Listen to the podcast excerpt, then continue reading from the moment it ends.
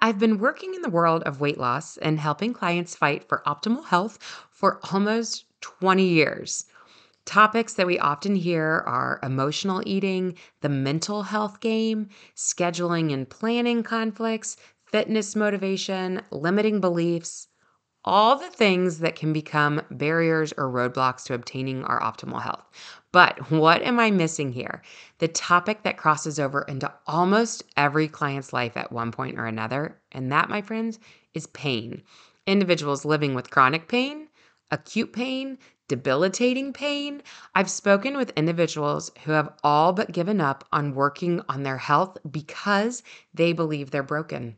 No one can help them. No one can help their pain. And because they are in pain, everything else is too exhausting to carry out. Too tired or too painful to go grocery shopping or even stand in the kitchen to cook. Too tired, too painful to take walks or increase daily movement.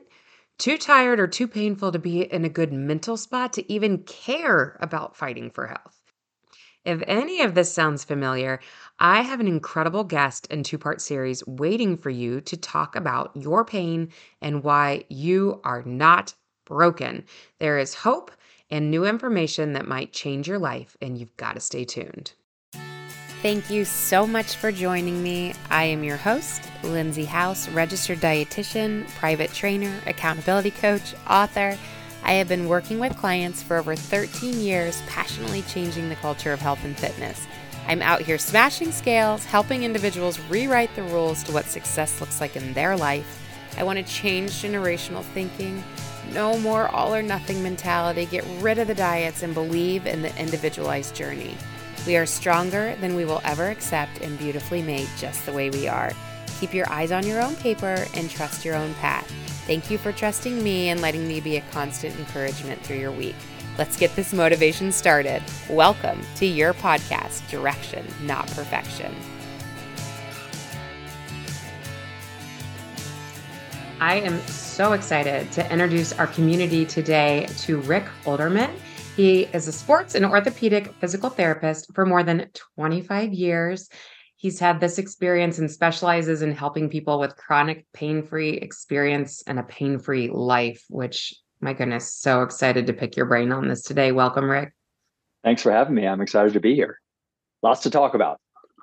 So much to talk about. And I was actually going to throw this your direction first, and then we'll just run with the rest of this. But the way that I think about this is we have things like pebbles, rocks, and boulders, these little things that might be affecting us in our life, the bigger things. And then there are these, I'm going to call them boulders, where we're like, if I don't fix this, it affects my entire quality of life. I am no longer living as the human that I want to be living as. And I really view pain as one of those topics.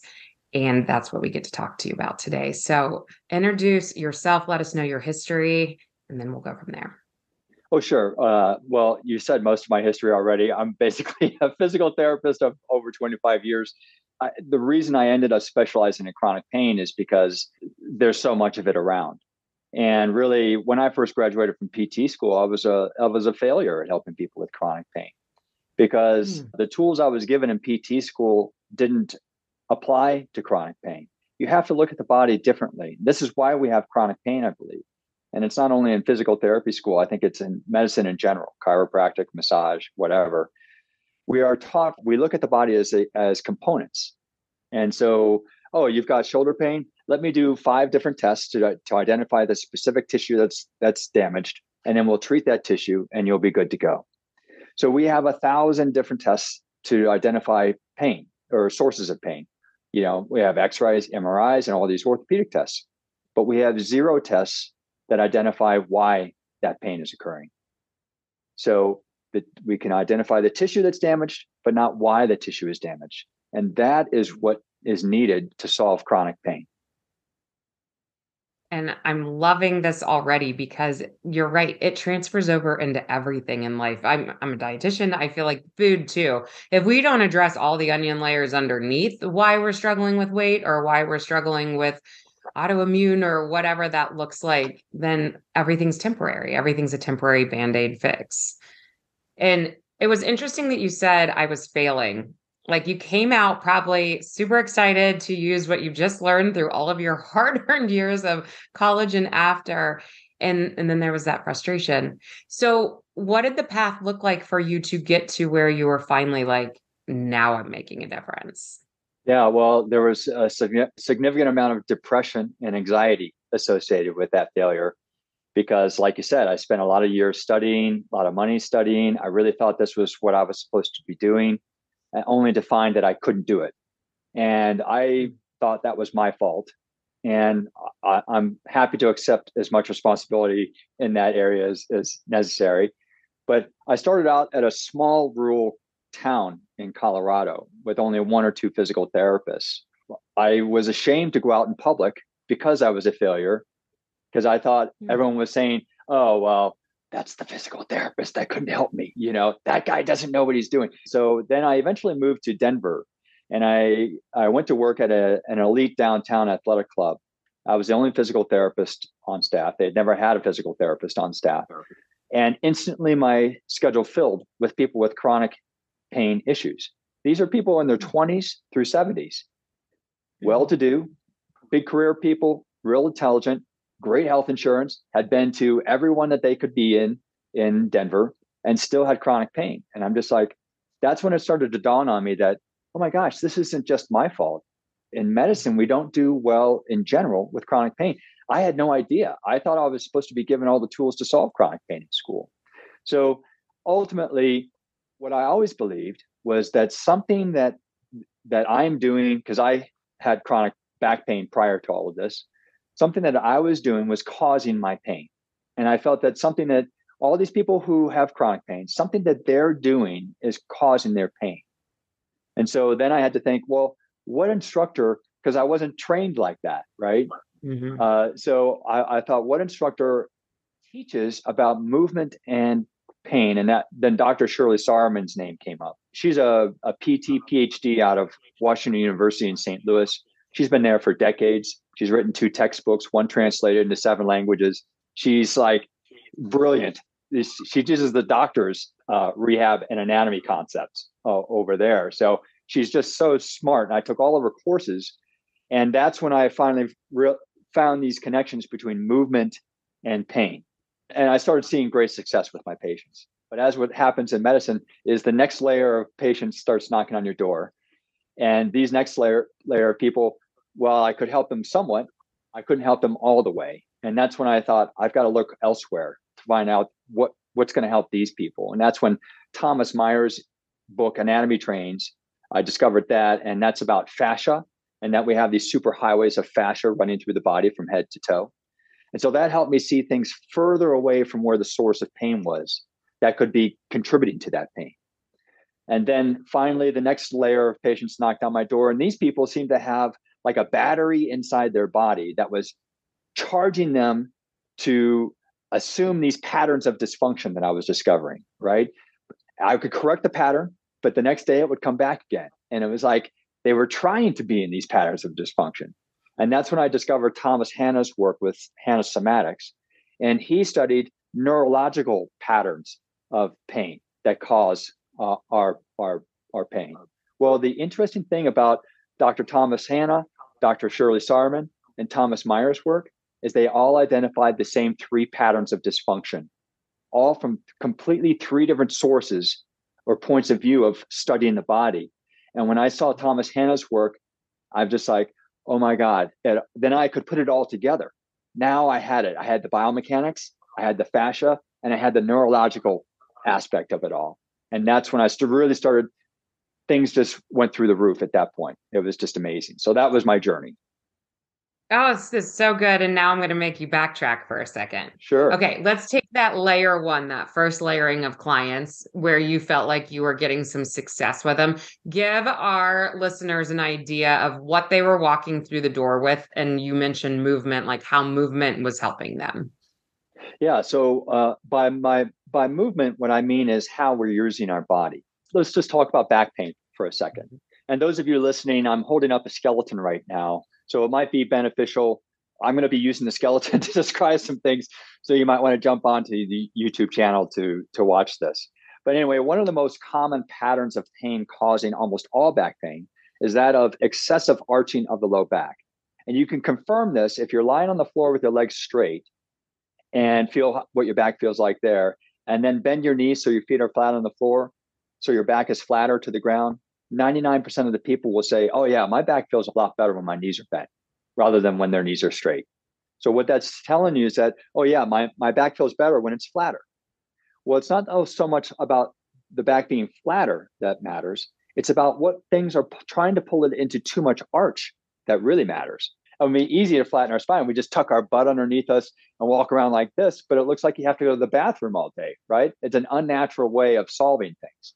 So better to, to eliminate the forces that are trying to pull the spine into an arch rather than just artificially cause the spine to flatten. Okay. Mm. So where does movement come in with this? Well, one of the most painful activities for most people is to bend down and pick something up. That's when most people are throwing out their backs. Well, most people do that by bending over, keeping their back arched, and then when they come back up, they keep their back arched, right?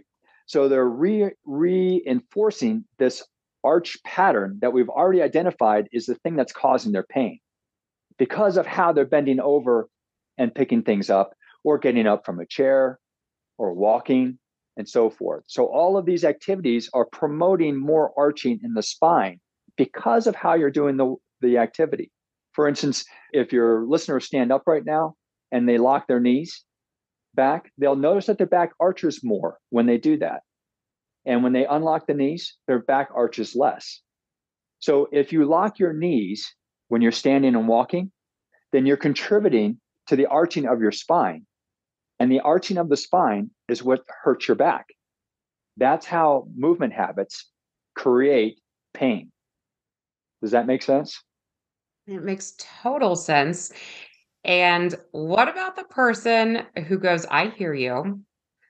And then they also feel like, do those small adjustments actually make a difference? Like, do you get a lot of kickback on, okay, maybe, you know, and then they don't go change it. So then they don't get the reprieve or they don't believe that it could work? No, I get almost no kickback. Why? Because I proved that it works in the clinic. So mm-hmm. that little test of lying on the ground and then yeah. with legs straight versus knee, I explain that. Do you see now that your back feels better when it's flatter? Oh, yeah, that feels a lot better. In fact, my back hurts more when I'm standing. Maybe that's why it hurts more when I'm standing versus sitting, is because my mm-hmm. back is more arched when I'm standing. Oh, I get it now. Okay. Well, you locking your knees is one of the things, and I take them through what we just did. When you lock your knees, your back is more arched. And when you don't, your back is less arched. Let's just try this for the next three days. And what I do, one of the little tricks I've learned is that I put a little piece of tape behind their knees so that whenever they lock their knees, it gives them feedback that they're arching their back because because these are unconscious habits. Mm-hmm. People don't mm-hmm. understand that they're doing them. And so you need a reminder often to show you that you're doing them and to show you that when you don't do them, you feel better. So, case in point, I had a woman, Division One swimmer, scholarship, elite swimmer in the nation, had to drop out of her program because she developed back pain. No one could solve it. 15 years later, she walks into my clinic and uh, she comes in and she's seeing me for plantar fasciitis, not back pain, because she had completely given up that anyone could solve her back pain because all of these elite trainers, doctors, whatever, the whole team, no one could yeah. solve it at college or anytime after. Well, she was in so much pain, I couldn't even evaluate her. Uh, and she came over and she would have to stand and like close her eyes, you know, and recover from just walking to my table. And then when I asked her to sit, she would have to recover from sitting. And then when I asked her to stand, she would have to recover from that too. I'm just like, gosh, that plantar fasciitis is really bothering you. She says, oh, that's not my plantar fasciitis. It's my back, but you can't help me. No one's been able to help me with my back. And boy, nothing gets my hackles up more than someone telling me that I can't help them. So she was in so much pain, I couldn't even evaluate her. But I had seen all I needed to see just by how she walked over to the table. And I said, Look, uh, we're going to put these two little pieces of tape on the back of your knees, and we're going to see what happens when you stop locking your knees for the next three days. She came back 75% better in three days. And not only her back pain, but also her plantar fasciitis. It's all connected. And so mm-hmm. this is how you get people to buy in. And this is what a lot of physical therapists tell me is I can't get my patients, you know, my compliant rates is so low. Well, that's your fault. You haven't shown them that what you're doing is solving pain. What a lot of physical therapists and chiropractors and doctors or whoever are doing is throwing a bunch of exercises at someone, think, think, wondering if they're going to help them. Well, by the time they get to my clinic, people have these thick books full of thousands of exercises they've been told to do. They're doing them for hours a day. They're not helping them. And they're just like, you know, this is why they've given up. And so that's why we have to just, hey, let's throw all that out. You see this little pattern? This is something we're going to solve right now. We're going to, and this is how we're going to do it. And so you've got to show them that whatever you're doing is causing pain and fixing pain. Well, I think the really cool thing about this is that the tape behind the knees example is something that they can walk around with them all day and keep remembering and keep working on versus trying to carve out that 20 minutes to go do exercises and I know that's what you were starting to talk about is that's the non-compliance part. It's trying to figure out how to habit stack enough to like fit in the 20 minutes here and there. And your way is making it just flow into their day, which is huge. Yeah. So I, I don't count those as exercises because we're just changing how you use your body. It takes yeah. no extra time out of your day. Right. That's a big deal. That's a game changer right there. Like if we talked about nothing else to yeah. even know, because okay, so that's an example with back. Do you have those little tricks with everything? Like somebody comes in with neck pain or somebody comes in with shoulder pain. Is that body positioning for the most part as well? Yeah. So it's important to understand that uh, these aren't like a, a really uh, popular term to use nowadays is called hacks. You know, oh, I'm going to do a little biohack, you know, for this. These are not tricks. These are actually come from fixing how you're using your body. So, yeah. unlocking the knees is how you should be using your body. Rather, a trick is like, oh, I'm going to do something that, you know, we're going to fool you. You know, no, there is no fooling this is the way it should be working. So yeah. all the things that I use are based on a deeper understanding of how our body is supposed to be functioning. So yes, there are lots of different things I do because ultimately all of our pain is due to how we're using our body, right? So I have lots of those little tricks to solve pain all over the place because we're fixing the mechanics of how you're using your body ultimately. And ultimately, like then after three days, for instance, the tape on the back of the knee, you don't need that tape anymore because now your mm-hmm. brain has changed. It recognizes that this change in your movement is fixing your pain. Now I don't have to convince you anymore to do it. Now you'll start noticing when you're not doing it instead. Mm-hmm. Mm-hmm. Do you feel like you're so trained with watching people that like pretty much somebody just walks through your door and you can almost give them exactly their mechanics that need changed? Oh yeah. I, I do this. Yeah. My my family hates to walk with me at the mall because I'm oh look at that anteverted femur. Oh look at that. Look at that side bending problem over there. I bet you that person. And then I just go and they're just like, get away from me. You know, stop. and I can't turn it off. I can't turn it off because I constantly uh, see all of this. It's like I see pain. You know. So uh, anyway, uh, yeah, it's something I can't turn off, and uh, because and and once you learn this, anyone can spot this in anybody. It, it, I don't have any special skill. I just have a lot of practice in it. But anyone can learn how to do this. All right, and we'll move on. But I agree with you. Once you're very aware of something, I saw a text neck picture of like how our vertebrae goes when we're looking down on our phone, and you watch people everywhere, and they're all in that that form. Like, yeah, oh and, and you know, I'm glad you brought that up, Lindsay. A lot of people will say this is why you have neck pain it is not why you have because you're looking down at your phone is not why you have neck pain or that you're mm-hmm. doing it a lot. Because I mean, if you look at our ancient history, we're always we're always looking down at something because our hands are in front of us, right? We're working on something in front of us. So looking down at something isn't the reason why we're having pain. Uh, we can go into the reasons why people have neck pain and headaches if you want to, but that that's see this this is another one of my little issues is that a lot of therapists will blame something that we can't possibly change on pain. So for instance, you know, looking down at your, oh, well, you're looking down at your phone, so that's why you have neck pain, or you have a weak core. This is why you have back pain. You're too heavy, or you've got this little spondylolisthesis. So that that's why, and you we can't change that. So, oh, you have, you know, disc bulges in your neck, so we can't you can't change that, or the shape of your neck is wrong. So we come up with all of these excuses of why people are having pain, and they're all things that that person can't possibly fix. And that excuses the therapist from solving the pain because they've chosen something that someone can't change to blame it on. And it, it's usually not the case. So I feel sorry for those people who feel that they're broken as a result. And you're not broken. You just haven't had the right information. Yeah, thank you for saying that because I feel like one of the things that I always like to ask with experts like yourself is like, have you ever seen a hopeless case? Is there ever somebody that you've been like, I cannot help you? Well, uh, it's funny. I have this new book called Solving the Pain Puzzle out. All right.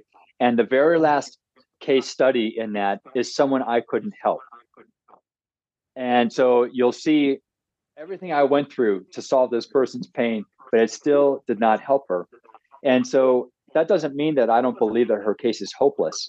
It means that I, I, believe that we're not looking in the right place. And I couldn't get one of her doctors, I believe, to look more deeply at a particular problem that I think is, exists in her that I can't solve. And you'll know why if you read the story.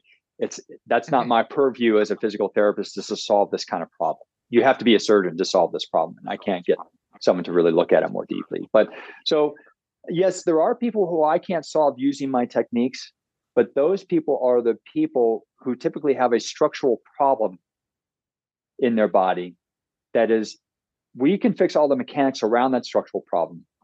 And in most cases, that will solve the pain, even if you do have a herniated disc, a spondylolisthesis, spinal stenosis, things like that. But in those people that it doesn't solve, it means that the structural problem is the trump card in that equation. And we have mm. to solve that. Yeah, no, that makes a lot of sense. So I was thinking about this. I want to hear about the fascia and then the neurological aspect and maybe this is that'll be our good wrap up point. and for anybody who would like to join us for part two of this talk together because there's so much in here i don't want people's brains to melt. But i i know that listeners are going wait i want to hear more about the plantar fasciitis. Wait fibromyalgia. Or people who feel like they stretch all the time and they're still super tight like they can never get out of those tight feelings. Can we promote this for part two and come back to the fascia right now by all means. And and you know we can get into leg length discrepancies sciatic pain neck pain and headaches all sorts of things. We haven't even touched the surface yet. No can i have you for the next eight weeks? Yeah of course. Yeah. okay so i was introduced to fascia. I have another physical therapist friend who i had like my aunt even flew in from florida to ohio. She knew this particular therapist did fascia release. And it's not a common, like a lot of people don't even know what this is. Can you please break this down and describe why this should maybe make somebody's ears perk up? Sure. So fascia is the thing, it's the glue that holds our whole body together. So it connects muscles to muscles, muscles to bone, nerves to muscles, blood, it holds blood vessels in place, it holds our guts in place. It surrounds and invests everything, even into a cellular level. So it can become very microscopic. But as I mentioned in Thomas Myers' book, he identified these superhighways of fascia that are running through our bodies from head to toe. And so these superhighways, there, there's one uh, runs along the back. So we have a back line, it runs from the top of the head all the way to the bottom of the sole of the foot. That's a back line. He identified a, a side line along the side. He identified a spiral line that spirals through the body. He identified a front line and a deep front line that goes to the front of our bodies. So the reason that this is meaningful is because he, you can dissect this tissue all as one contiguous piece of tissue from the head to the foot. So we can dissect it and it's all connected. This is very different than how we're taught in PT school. We're taught that uh, mm-hmm. this triceps is here, this biceps is here, this hamstring is here, and there's no real functional connection between all of that. Yeah. But Thomas Myers' work shows that there is. And so it's very meaningful. And so fascia is laid down. There's a certain type of fascia that's laid down in areas of mechanical stress in the body. Well, mechanical stress in the body occurs, for instance, in the spine when there's a change of one curve to the other, like the like the the cervical curve curves in and then it curves out for the thoracic curve and then it curves back in for the lumbar curve then it curves back out for the pelvic you know sacral curve. So these changes in curve points are points of natural mechanical uh, strain. And so there's a type of, of fascia that's laid down there called myofibroblasts. Myo means muscle. It has four times the contractile capacity of normal fascia. All right? So uh, that so it's laid down thicker in these areas. So in times of emotional distress and so forth, we release something called cytokines. And cytokines circulate through our body. And what they do is they trigger the myofibroblasts to contract. And so that's when, if we have stress, emotional trauma, anything like that, and also allergic reactions to dietary issues, molds, allergens, all sorts of things like that, they cause an inflammatory response in the body that migrates to the areas that we have myofibroblasts more because they react to these cytokines. That's why when we're stressed, have trauma, or are not just feeling good, is because that's when the areas of our body are feeling worse, is because those areas are likely getting activated. So that's fascia in a nutshell, if, if that makes sense. It does. And now I feel like our listeners need to understand that there's a therapy around it. Do you do myofascial release? No, I don't personally do myofascial release. And the reason is is because what is causing the fascia to be tight in the first place is how we're using our bodies. Hmm. So I do myofascial release by fixing mechanics and movement patterns. If you fix how you use your body, for instance, unlocking those knees, you can imagine the knee locking is part of that whole back line of fascia. So mm-hmm. if if we unlock a part of that line of fascia, it unlocks the whole rest of the fascia like a spider web. So this is how I do myofascial release is by fixing the body so the fascia doesn't become tense in the first place. Hmm. Okay. I'm loving. I can go to bed after this podcast interview because I've learned I'm learning so much. Okay, go into the neurological piece of this. Sure. So this is the really fascinating thing. Thomas Hanna identified the same three patterns of dysfunction that Thomas Myers identified and Dr. Shirley Sahrmann identified. And so we're born with these uh, primal reflex patterns. One is called a Landau reflex, and that helps us lift our head. If you see a little baby crawling, You'll see that their back is arched and their head is lifting to look where they're going. And when you see a child learning to stand up, their head looks up and their whole body is in this arched position, right? So they're tapping into a broad reflex pattern that occurs along this back line of fascia to mm-hmm. allow our spine to be tall and our head to lift. All right. Now, this this back line of fascia and neurological pattern is also tapped into when we're under stress or emotional trauma. For instance, when we have to be super alert, right? We stand up really tall, our eyes get big, our head comes up, we're looking around, right? If you're in danger, your knees lock, you get as tall as you can to survey what's going on around you. So these deep primordial uh, reflex patterns we're born with are overridden though by our prefrontal cortex because we can't go through the day reflexively responding to every stimulus that that occurs right we have to override and and the, a lot of that stimuli only the most egregious things get through and we trigger our our patterns all right? Thomas hanna uh, identified a technique to reduce the tension pattern that's set up along these larger reflex patterns that are causing almost all pain. It's called hanna somatics. And so what what he's basically re- releasing pain, releasing tension patterns along these fascial patterns and along the biomechanical patterns that Dr. Shar- Sahrmann identified.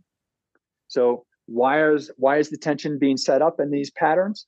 Well, because of emotional psychological trauma, because of inflammatory response from things that we're ingesting, or from how we're using our body that is continually re-engaging that line of fascia all the time, which then causes it to become more contracted.